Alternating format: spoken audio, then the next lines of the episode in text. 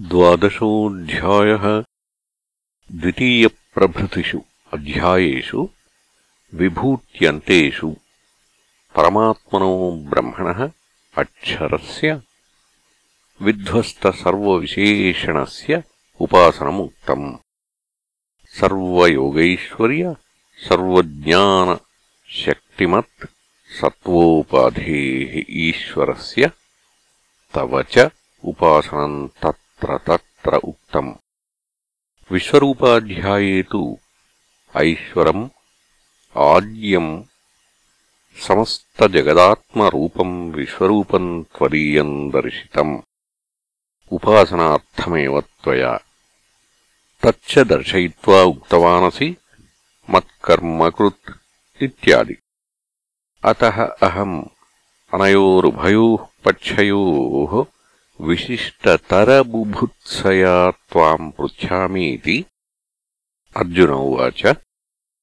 एवम् सततयुक्ता ये भक्तास्त्वाम् पर्युपासते ये चाप्यक्षरमव्यक्तम् तेषाम् के योगवित्तमाः। एवम् इति अतीतानन्तरश्लोके उक्तमर्थम् परामृशति मत्कर्मकृत् इत्यादिना। एवम् सततयुक्ता। नैरन्तर्येण भगवत्कर्मादौ यथोक्ते अर्थे समाहिताः सन्तः प्रवृत्ता इत्यर्थः।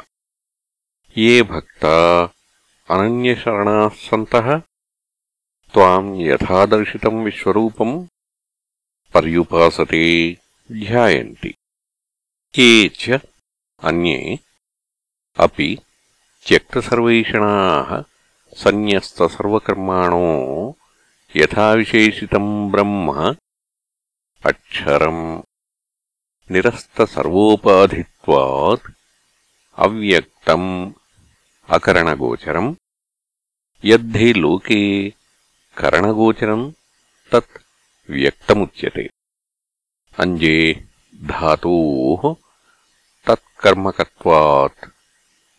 इदम् तु अक्षरम् तद्विपरीतम्। शिष्टैश्च उच्यमानैः विशेषणैः विशिष्टम् तत्। ये चापि पर्युपासते। तेषाम् उभयेषाम् मध्ये के योगवित्तमाः के अतिशयेन योगवित् इत्यर्थः। श्रीभगवानुवाच। ये तु अक्षरोपासकाः सम्यग्दर्शिनो निवृत्तैषणाः ते तावत् तिष्ठन्तु। तान् प्रति यद्वक्तव्यम् तत् उपरिष्टाद्वक्ष्यामः। ये तु इतरे मय्यावेश्यमनो ये मान् नित्ययुक्ता उपासते।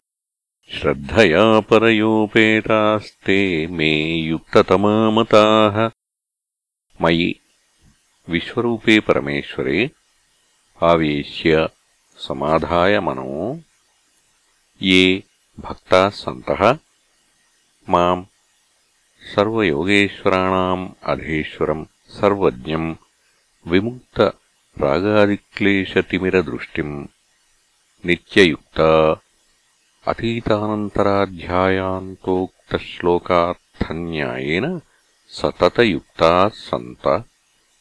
उपासते श्रद्धया परया, प्रकृष्टया उपेताः। ते मे मम, मता अभिप्रेता, युक्ततमा इति। नैरन्तर्येण हि ते मच्चित्ततया अहोरात्रम् अतिवाहयन्ति अतो युक्तम् तान् प्रति युक्ततमा इति वक्तुम्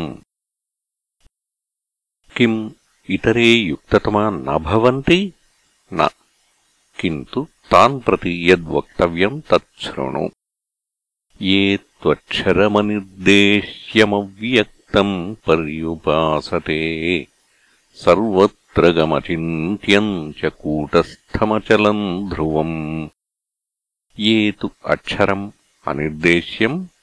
अनिर्देश्यम् अव्यक्तत्वात् अशब्दगोचरम् इति न निर्देष्टुम् शक्यते अतः अनिर्देश्यम् अव्यक्तम् न केनापि प्रमाणेन व्यज्यते इति अव्यक्तम् पर्युपासते परिसमन्तात् उपासते उपासनम् नाम यथाशास्त्रम् उपास्यस्य अर्थस्य विषयीकरणेन सामीप्यम् उपगम्य तैलधारावत् समानप्रत्ययप्रवाहेण दीर्घकालम् यदासनम् तदुपासनम् आचक्षते अक्षरस्य विशेषणम् आह सर्वत्रगम् व्योमवद्व्यापि अचिन्त्यम् च अव्यक्तत्वात् అచింత్యम् యద్ధి కరణగోచరం తత్ మనసాపి చింత్యం. తద్విపరీతత్వాత్ అచింత్యం అక్షరం కూటస్థం. దృశ్యమానగుణం అంతర్దోషం వస్తు కూటం కూటరూపం. కూటసాక్ష్యం ఇత్యాదౌ కూటశబ్ద ప్రసిద్ధో లోకే. తథా చ అవిద్యాది अनेकसंसारबीजम् अन्तर्दोषवत् मायाव्याकृतादिशब्दवाच्यम् मायाम् तु प्रकृतिम् विद्यान् मायिनम् तु महेश्वरम् श्वेताश्वतर उपनिषत् चतुर्दश मम माया दुरत्यया इत्यादौ प्रसिद्धम् यत्तत् कूटम् तस्मिन् कूटे स्थितम् कूटस्थम् तदध्यक्षतया। अथवा राशिः इव स्थितम् कूटस्थम्। अत एव अचलम्। यस्मादचलम् तस्मात् ध्रुवम्। नित्यम् इत्यर्थः। सन्नियम्येन्द्रियग्रामम् सर्वत्र समबुद्धयः ते प्राप्नुवन्ति मामेव सर्वभूतहिते रताः।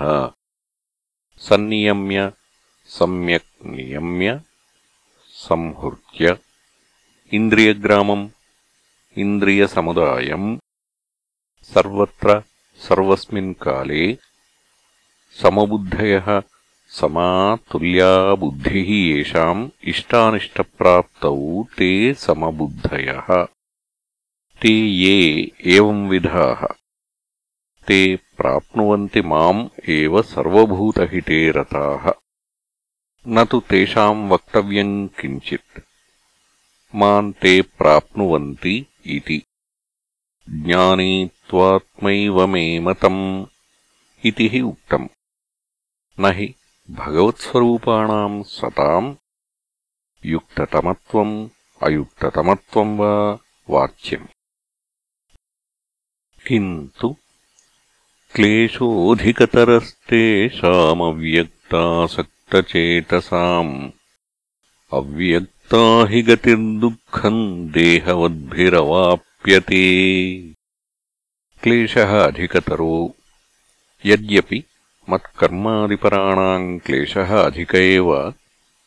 क्लेशः अधिकतरस्तु అక్షరాత్మనాం పరమార్థదర్శినాం దేహాభిమానపరిత్యాగనిమిత్తः. అవ్యక్తాసక్తచేతసాం అవ్యక్తే ఆసక్తం చేతో ఏషాం తే అవ్యక్తాసక్తచేతసః. తేషాం అవ్యక్తాసక్తచేతసాం. అవ్యక్త హి యస్మాత్ యా. గతి అక్షరాత్మికా. దుఃఖం సా देहवद्भिः देहाभिमानवद्भिः अवाप्यते अतः क्लेशः अधिकतरः। अक्षरोपासकानाम् यद्वर्तनम् तत् उपरिष्टाद्वक्ष्यामः। ये तु सर्वाणि कर्माणि मयि सन्न्यस्य मत्पराः अनन्येनैव योगेन माम् ध्यायन्त उपासते ये तु सर्वाणि कर्माणि मयि ईश्वरे सन्न्यस्य मत्परा अहम् परो येषाम् ते मत्पराः सन्तः अनन्येन एव अविद्यमानम् अन्यत् आलम्बनम् विश्वरूपम् देवम् आत्मानम् मुक्त्वा यस्य स अनन्यः तेन अनन्येन एव केवलेन योगेन समाधिना माम् ध्यायन्तः चिन्तयन्त उपासते। तेषाम् किम्? तेषामहम् समुद्धर्ता मृत्युसंसारसागरात्। भवामि न चिरात्पार्थमय्यावेशितचेतसाम् तेषाम् मदुपासनैकपराणाम्। अहम् ईश्वरः समुद्धर्ता कुत इति आह मृत्युसंसारसागरात्। मृत्युयुक्तः संसारो मृत्युसंसारः। स एव सागर इव सागरो दुरुत्तरत्वात्। तस्मात् मृत्युसंसारसागरात् अहम् तेषाम् समुद्धर्ता भवामि न चिरात्। किम् तर्हि क्षिप्रम् एव? हे पार्थ, मयि आवेशितचेतसाम्। मयि विश्वरूपे आवेशितम् समाहितम् प्रवेशितम् चेतो येषाम् ते मयि आवेशितचेतसः तेषाम्। यत एवम् तस्मात् मय्येव मनाधत्स्व मयि बुद्धिम् निवेशय। निवसिष्यसि मय्येव अत ऊर्ध्वन्न संशयः। मयि एव విశ్వరూపే ఈశ్వరే మనః సంకల్పవికల్పాత్మకం ఆధత్స్వ స్థాపయ మయి ఏవ అధ్యవసాయం కుర్వతీం బుద్ధిం ఆధత్స్వ నివేశయ తే కిం సత్ ఇది శృణు నివసిష్యసి నివత్స్యసి నిశ్చయన మదాత్మనా మయి निवासम् करिष्यसि एव। अतः शरीरपातादूर्ध्वम् न संशयः संशयः अत्र न कर्तव्यः। अथ चित्तम् समाधातुम् न शक्नोषि मयि स्थिरम्। अभ्यासयोगेन ततो मामिच्छाप्तुम् धनञ्जय। अथ एवम् यथावोचाम तथा मयि चित्तम् समाधातुम् स्थापयितुम् स्थिरम् अचलम् न शक्नोषि चेत् ततः पश्चात् अभ्यासयोगेन चित्तस्य एकस्मिन्नारम्भने सर्वतः समाहृत्य पुनः पुनः स्थापनम् अभ्यासः। तत्पूर्वको योगः समाधानलक्षणः। तेन अभ्यासयोगेन माम् विश्वरूपम् इच्छा प्रार्थयस्व। आप्तुम् प्राप्तुम् हे धनञ्जय। अभ्यासेऽप्यसमर्थोऽसि मत्कर्मपरमो भव। मदर्थमपि कर्माणि कुर्वन् सिद्धिमवाप्स्यसि। अभ्यासे अपि असमर्थः असि अशक्तः असि तर्हि मत्कर्मपरमो भव मदर्थम् कर्म मत्कर्म तत्परमो मत्कर्मप्रधान इत्यर्थः अभ्यासेन विना मदर्थम् अपि कर्माणि केवलम् कुर्वन् सिद्धिम् सत्त्वशुद्धियोगज्ञानप्राप्तिद्वारेण अवाप्स्यसि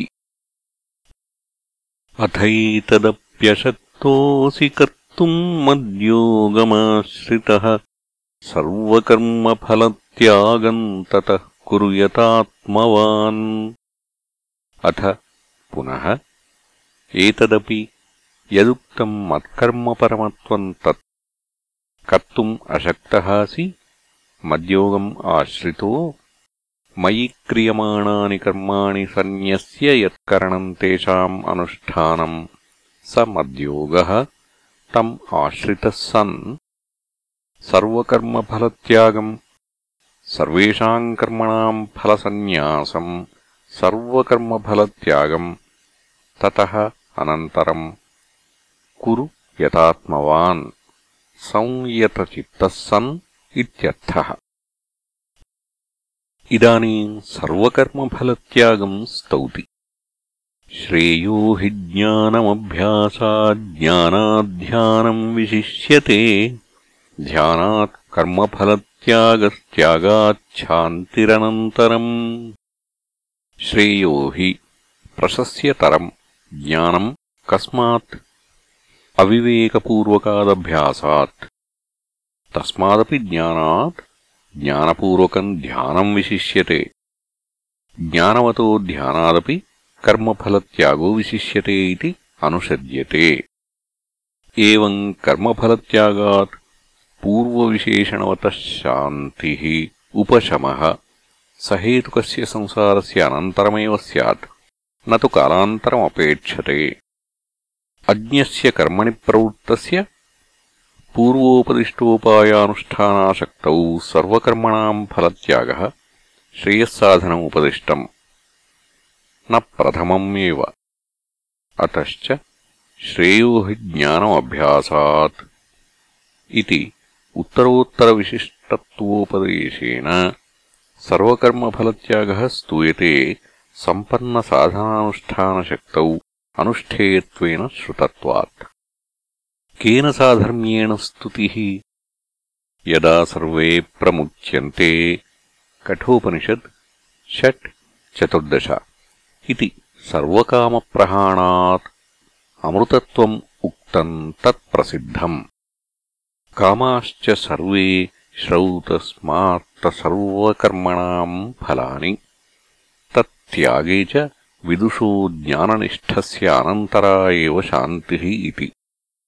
सर्वकामत्यागसामान्यम् अज्ञकर्मफलत्यागस्य अस्तीति तत्सामान्यात् सर्वकर्मफलत्यागस्तुतिः इयम् प्ररोचनार्था यथा अगस्त्येन ब्राह्मणेन समुद्रः पीत इति इदानीन्तनापि ब्राह्मणा ब्राह्मणत्वसामान्यात् स्तूयन्ते एवम् कर्मफलत्यागात् कर्मयोगस्य श्रेयःसाधनत्वम् अभिहितम् अत्र च आत्मेश्वरभेदम् आश्रित्य विश्वरूपे ईश्वरे चेतः समाधानरक्षणो योग उक्त ईश्वरार्थम् कर्मानुष्ठानादि च। अथैतदप्यशक्तोऽसि इति अज्ञानकार्यसूचनात् न अभेददर्शिनः अक्षरोपासकस्य कर्मयोग उपपद्यते इति दर्शयति। तथा कर्मयोगिनः अक्षरोपासनानुपपत्तिम् दर्शयति भगवान् ते प्राप्नुवन्ति मामेव इति अक्षरोपासकानाम् कैवल्यप्राप्तौ स्वातन्त्र्यम् उक्त्वा इतरेषाम् पारतन्त्र्यम् ईश्वराधीनताम् दर्शितवान्। तेषामहम् समुद्धर्ता इति। यदि हि ईश्वरस्य आत्मभूताः ते मता अभेददर्शित्वात् अक्षररूपा एव ते इति। समुद्धरणकर्मवचनम् तान् प्रति अपेशलम् स्यात्। यस्माच्च अर्जुनस्य अत्यन्तम् एव हितैषी भगवान् तस्य सम्यग्दर्शनानन्वितम् कर्मयोगम् भेददृष्टिमन्तम् एव उपदिशति।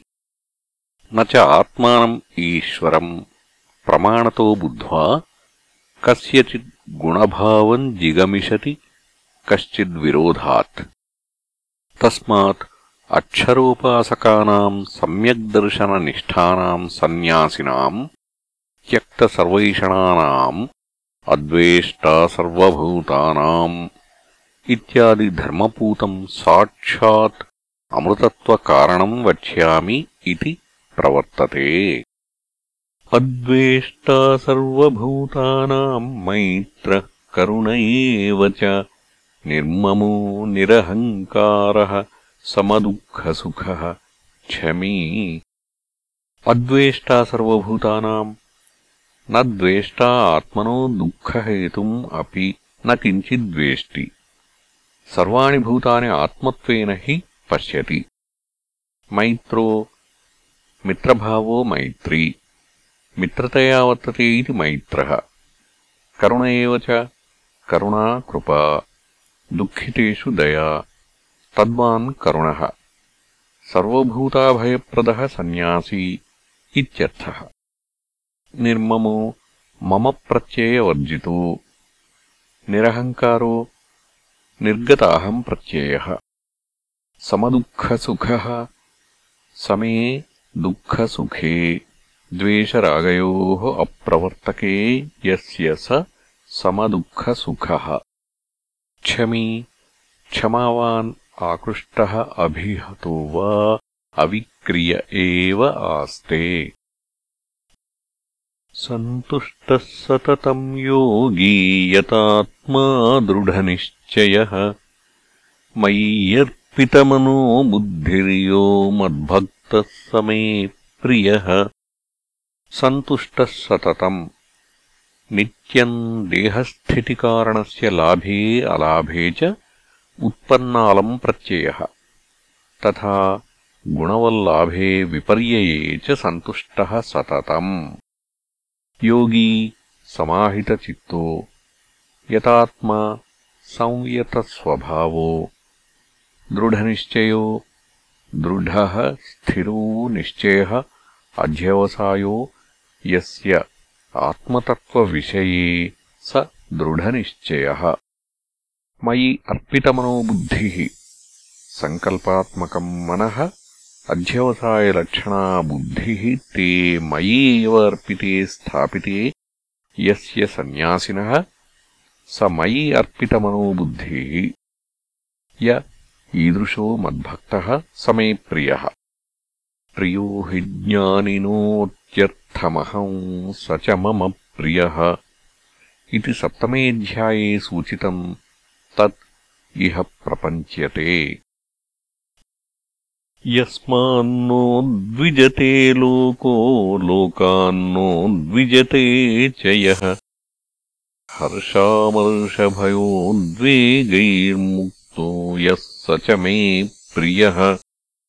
यस्मात् सन्न्यासिनो न उद्विजते, न उद्वेगम् गच्छति, न सन्तप्यते, न सङ्क्षुभ्यते लोकः। तथा लोकात् न उद्विजते च यः। हर्षामर्षभयोद्वेगैः हर्षश्च अमर्षश्च भयम् च उद्वेगश्च, तैः हर्षामर्षभयोद्वेगैः मुक्तः। हर्षः प्रियलाभे अन्तःकरणस्य उत्कर्षो रोमाञ्चनाश्रुपातादिलिङ्गः अमर्षः। असहिष्णुता भयम् त्रास उद्वेग उद्विग्नता तैर्मुक्तो यः स च मे प्रियः।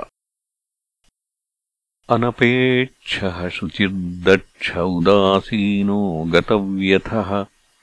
सर्वारम्भपरित्यागी यो मद्भक्तः स मे प्रियः देहेन्द्रियविषयसम्बन्धिषु अपेक्षाविषयेषु अनपेक्षो निःस्पृहः शुचिः बाह्येन आभ्यन्तरेण च शौचेन सम्पन्नः दक्षः प्रत्युत्पन्नेषु कार्येषु सद्यो यथावत्प्रतिपत्तुम् समर्थः उदासीनो न कस्यचित् मित्रादेः पक्षम् भजते यः स उदासीनो यतिः गतव्यथो गतभयः सर्वारम्भपरित्यागी आरभ्यन्ते इति आरम्भा इहामुत्रफलभोगार्थानि कामहेतूनि कर्माणि सर्वारम्भाः तान् परित्यक्तम् शीलम् अस्य इति सर्वारम्भपरित्यागी यो मद्भक्तः स मे प्रियः किञ्च? यो न हृष्यति न द्वेष्टि न शोचति न काङ्क्षति। शुभाशुभपरि त्यागी भक्तिमान् यः स मे प्रियः। यो न हृष्यति इष्टप्राप्तौ। न द्वेष्टि अनिष्टप्राप्तौ।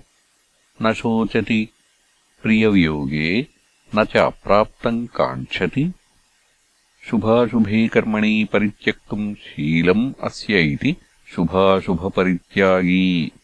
भक्तिमान् यः स मे प्रियः। समशत्रौ च मित्रे च तथा मानापमानयोः।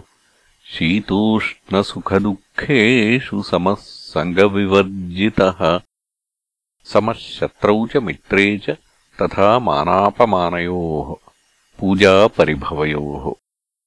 शीतोष्णसुखदुःखेषु समः सर्वत्र च सङ्गवर्जितः। किञ्च तुल्यनिन्दास्तुतिर्मौनी सन्तुष्टो येन केनचित् अनिकेतः स्थिरमतिर्भक्तिमान् मे प्रियो नरः।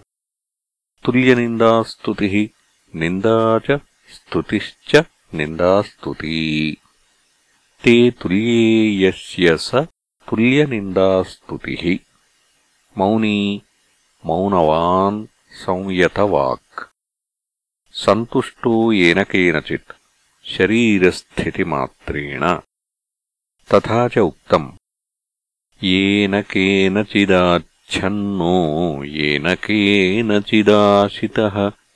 యత్ यत्र क्वचन शायी स्यात्तम् देवा ब्राह्मणम् विदुः। महाभारते शान्तिपर्वणि मोक्षधर्मपर्वणि शुकानुप्रश्ने पञ्चचत्वारिंशदधिकद्विशततमे अध्याये द्वादशः श्लोकः। इति। किञ्च अनिकेतो నికేత ఆశ్రయో నివాసో. నియతో న విద్యతే యస్య సహ అనికేతః అనాగారః ఇత్యాది స్మృత్యంతరాత్. స్థిరమతిః. స్థిర పరమార్థవస్తువిషయా మతిః. యస్య స స్థిరమతిః. భక్తిమాన్ మే ప్రియో నరః. अद्वेष्टा सर्वभूतानाम् इत्यादिना अक्षरस्य उपासकानाम् निवृत्तसर्वैषणानाम् सन्न्यासिनाम् परमार्थज्ञाननिष्ठानाम् धर्मजातम् प्रकान्तम् उपसंह्रियते। ये तु धर्म्यामृतमिदम् यथोक्तम् पर्युपासते। श्रद्दधानामत्परमा भक्तास्तेतीव मे प्रियाः ये तु सन्न्यासिनो धर्म्यामृतम् धर्मादनपेतम् धर्म्यम् च तदमृतम् च तदमृतत्वहेतुत्वात्। इदम् यथोक्तम् अद्वेष्टा सर्वभूतानाम् इत्यादिना। पर्युपासते अनुतिष्ठन्ति। श्रद्दधानाः सन्तः। मत्परमा यथोक्तः अहम् अक्षरात्मा परमो निरतिशया गतिः येषाम् ते मत्परमा मद्भक्ताश्च उत्तमाम् परमार्थज्ञानलक्षणाम् भक्तिम् आश्रिताः ते अतीव मे प्रियाः। प्रियो हि ज्ञानिनोत्यर्थम् इति यत् सूचितम् तद्व्याख्याय इह उपसंहृतम्। भक्तास्ते अतीव मे प्रिया इति यस्मात् धर्म्यामृतमिदम् यथोक्तमनुतिष्ठन् भगवतो विष्णोः परमेश्वरस्य अतीव मे प्रियो भवति। तस्मादिदम् धर्म्यामृतम् मुमुक्षुणा यत्नतः अनुष्ठेयम्। विष्णोः प्रियम् परम् धाम जिगमिषुणा इति वाक्यार्थः। इति श्रीमहाभारते शतसाहस्र्याम् संहितायाम् वैयासिक्याम् भीष्मपर्वणि श्रीमद्भगवद्गीतासूपनिषत्सु ब्रह्मविद्यायाम् योगशास्त्रे श्रीकृष्णार्जुनसंवादे भक्तियोगो नाम द्वादशोऽध्यायः इति श्रीमत्परमहंसपरिव्राजकाचार्यगोविन्दभगवत्पूज्यपादशिष्यः श्रीमच्छङ्करभगवतः कृतौ। श्रीमद्भगवद्गीताभाष्ये भक्तियोगो नाम द्वादशोऽध्यायः।